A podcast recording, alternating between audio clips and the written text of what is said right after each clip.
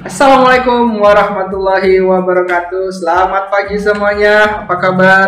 Mudah-mudahan masih dalam keadaan sehat ya meskipun eh, empat ataupun tiga hari ke belakang Jabodetabek harus merasakan kembali bencana banjir. Mudah-mudahan kita semua bisa segera bangkit lagi. Kita semua dalam keadaan sehat dan mudah-mudahan pemerintah daerah cepat tanggap mengatasi bencana banjir ini. Ya, anak-anak, setelah satu bulan ke belakang kita telah membahas materi tentang ancaman terhadap NKRI. Pada kesempatan kali ini kita akan mulai lembaran baru, bab baru, yaitu tentang dinamika peran Indonesia dalam perdamaian dunia. Untuk kesempatan pertama kita akan membahas tentang hubungan internasional. Yuk kita masuk ke materinya. Apa sih hubungan internasional tuh? Nah, secara singkat ini secara singkat aja menurut eh, pendapat saya aja. Jadi kalian silahkan berpendapat sendiri, nggak apa-apa menurut pendapat kalian masing-masing kita nggak usah berpatokan dengan pendapat para ahli kita ikutin aja hati nurani kita ya kan intuisi kita mengatakan apa sih yang kita tahu tentang hubungan internasional. Nah, hubungan internasional secara singkat ya merupakan hubungan antar bangsa. Ya, aspeknya apa pun, yang penting untuk apa? Untuk mencapai kepentingan suatu negara yang melakukan hubungan tersebut. Nah, sekarang pertanyaannya di Indonesia adakah aturannya atau instrumen tentang hubungan internasional? Jawabannya adalah ada. Di mana? Di Undang-Undang Nomor 37 Tahun 1999 tentang hubungan luar negeri. Ingat, jangan sampai kebalik.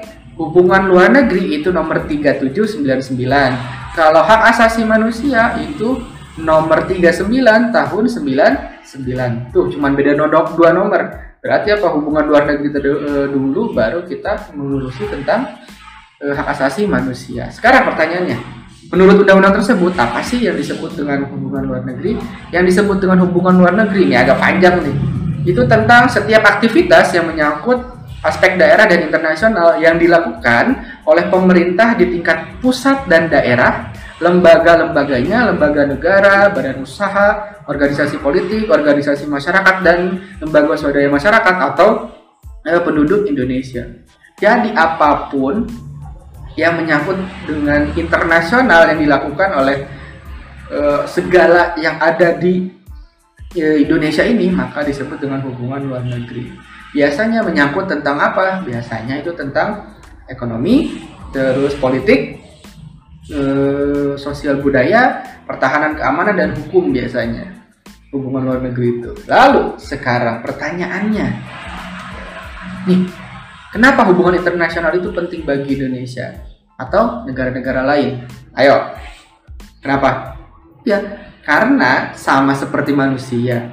Suatu negara itu nggak akan mampu untuk hidup sendiri tanpa adanya bantuan atau berhubungan dengan negara lain. Contoh, sehebat apa pun negara Amerika Serikat tanpa bantuan negara lain, dia tidak akan menjadi negara yang besar. Negara yang benar-benar ibaratnya terisolasi lah seperti Korea Utara pun dia tetap melakukan hubungan-hubungan luar negeri. Contohnya apa? Dengan Indonesia tentu kan Korea Utara dan e, Indonesia mempunyai hubungan diplomatik. Makanya Indonesia memiliki kedutaan besar di Korea Utara. Kemudian Israel meskipun tidak memiliki hubungan diplomatik dengan Indonesia, namun dia juga memiliki hubungan dengan negara Amerika dan negara-negara lain.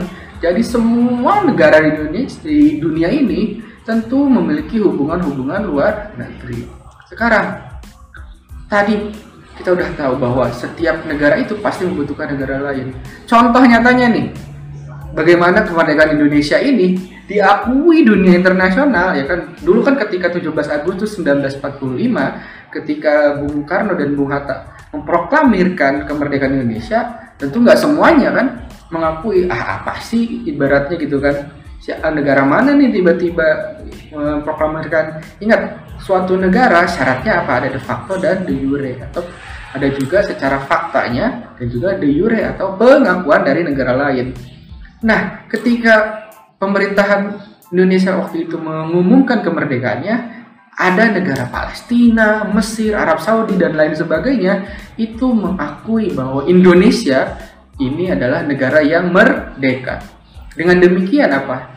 Bahwa suatu negara itu pasti membutuhkan negara lain karena syaratnya sendiri tuh, syarat untuk diakui sebagai negara sendiri Pertama de facto dan de jure, ada de jure-nya nih yaitu pengakuan dari negara lain. Udah pasti. Gitu kan itu udah pasti membutuhkan negara lain. Lalu sekarang ruang lingkupnya apa sih? Hubungan internasional itu apa aja sih? Nah yang pertama itu di bidang politik. Di, di bidang politik ini biasanya menyangkut apa? Pertama politik internasional politik luar negeri tentang pertahanan keamanan hukum, eh, hukum internasional diplomasi tentang organisasi internasional kejahatan internasional ya kan?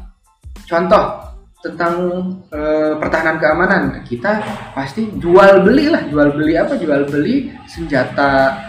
Kita mengimpor senjata untuk kebutuhan apa? Alusista kita. Kemudian hukum internasional. Bagaimana negara Indonesia ini benar benar-benar mengikuti hukum-hukum yang nyata di dunia.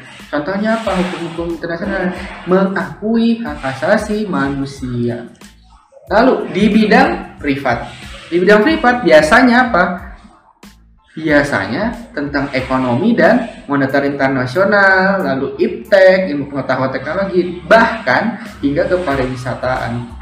Biasanya contohnya nih, hubungan luar negeri itu tentang ekonomi. Ya banyak lah itu mah. Kita udah nggak usah sebutin ada APEC ya kan? Asia Pasifik.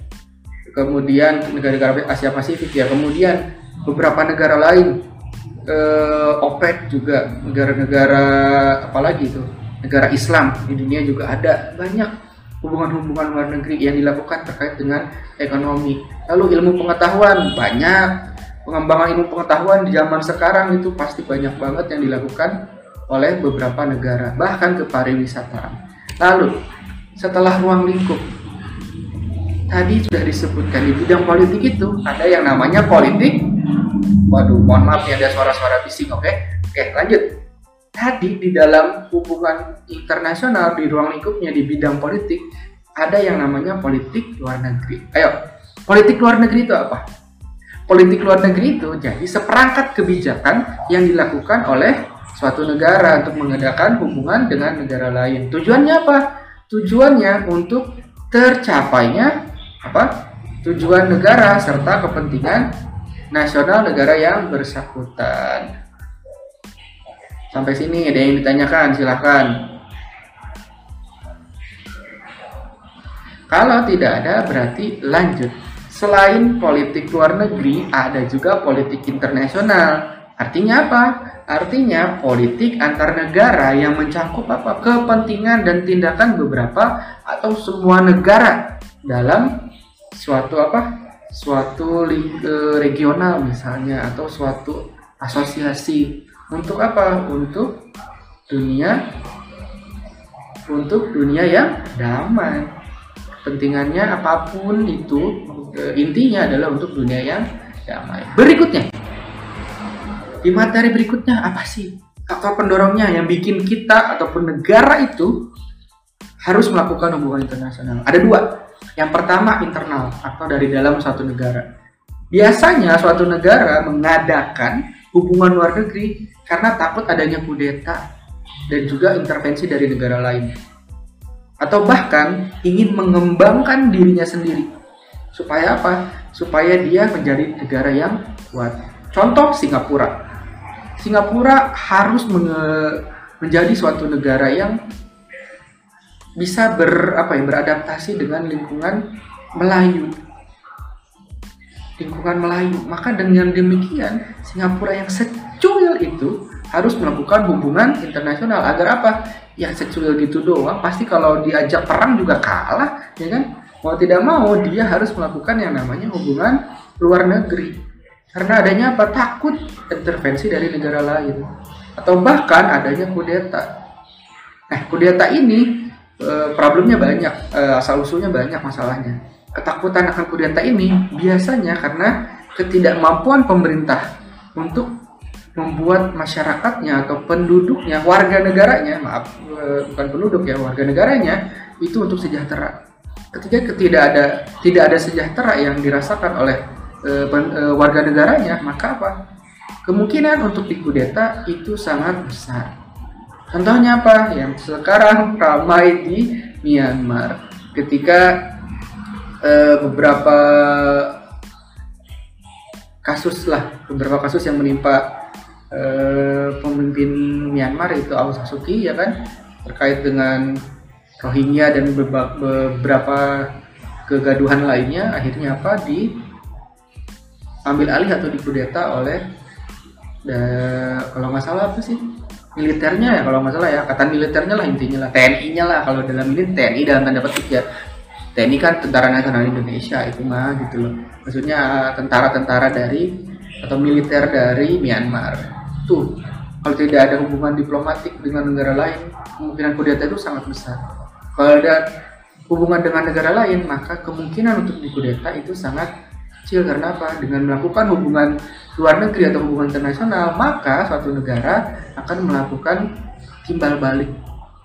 Misalnya impor dan juga ekspor ke suatu negara untuk mendapat pemasukan sehingga pemerintahnya bisa mensejahterakan rakyatnya. Selain internal ada juga eksternal, eksternal, eksternal, eksternal.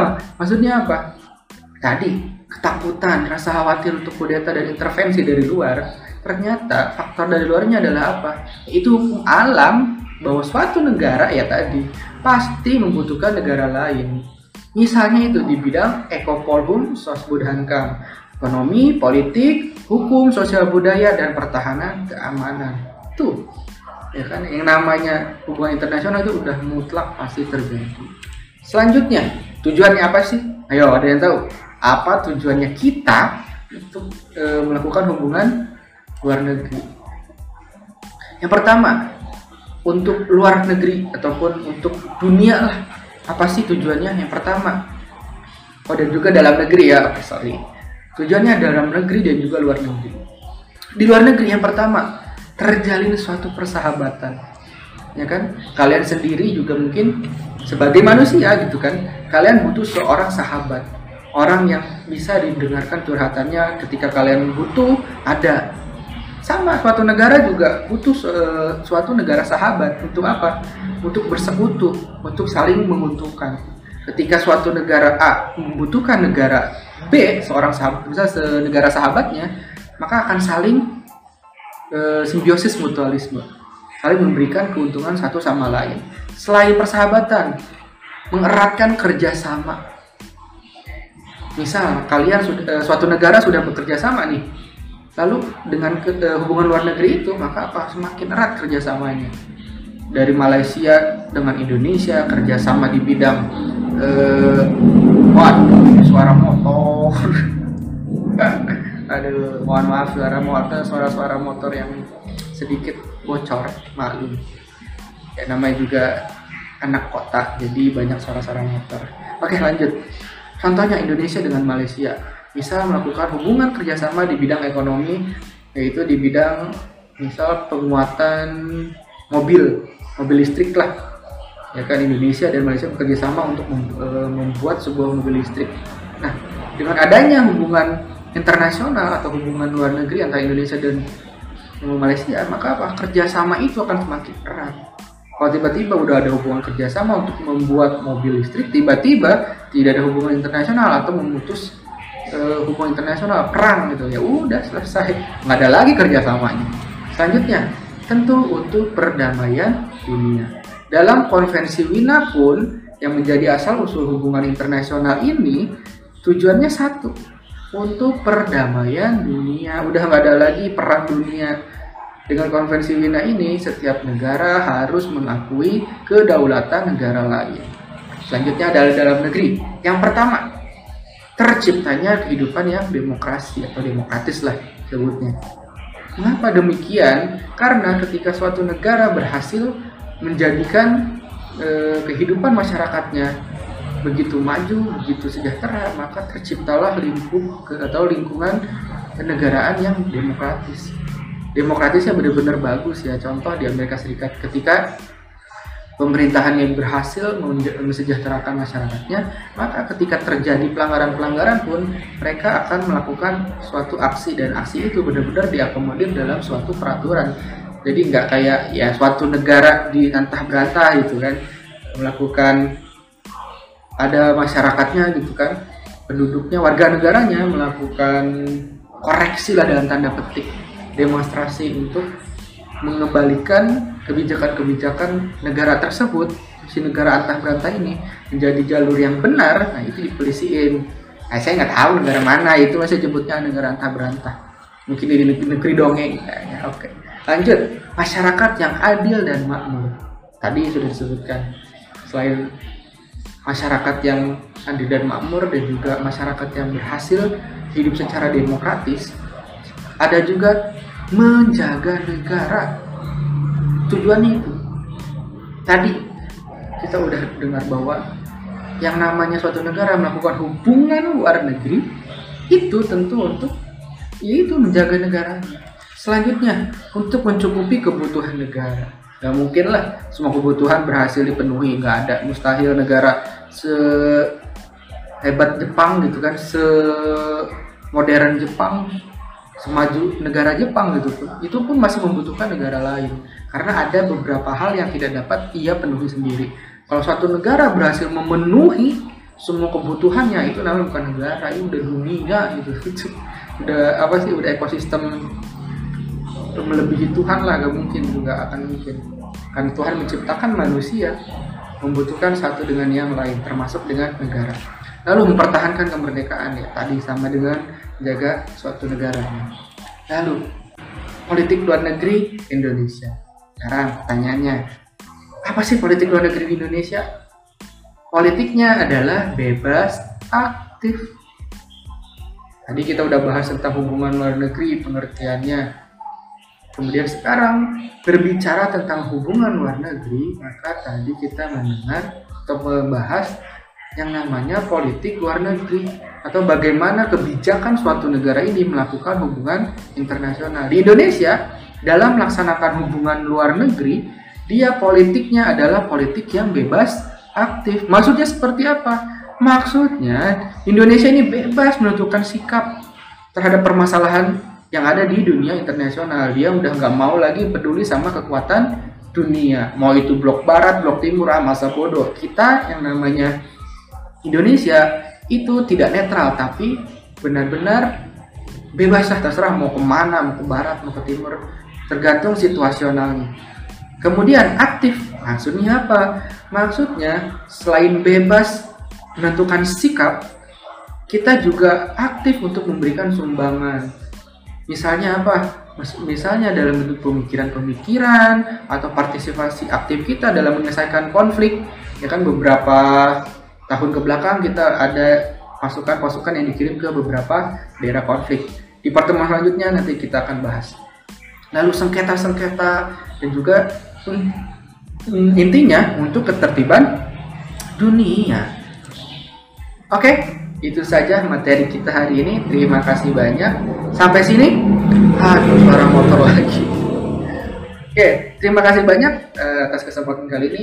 Apakah ada yang ingin tanyakan? Silahkan. Intinya pada kesempatan kali ini ada dua, yaitu apa sih hubungan internasional dan politik luar negeri Indonesia yang bebas dan aktif.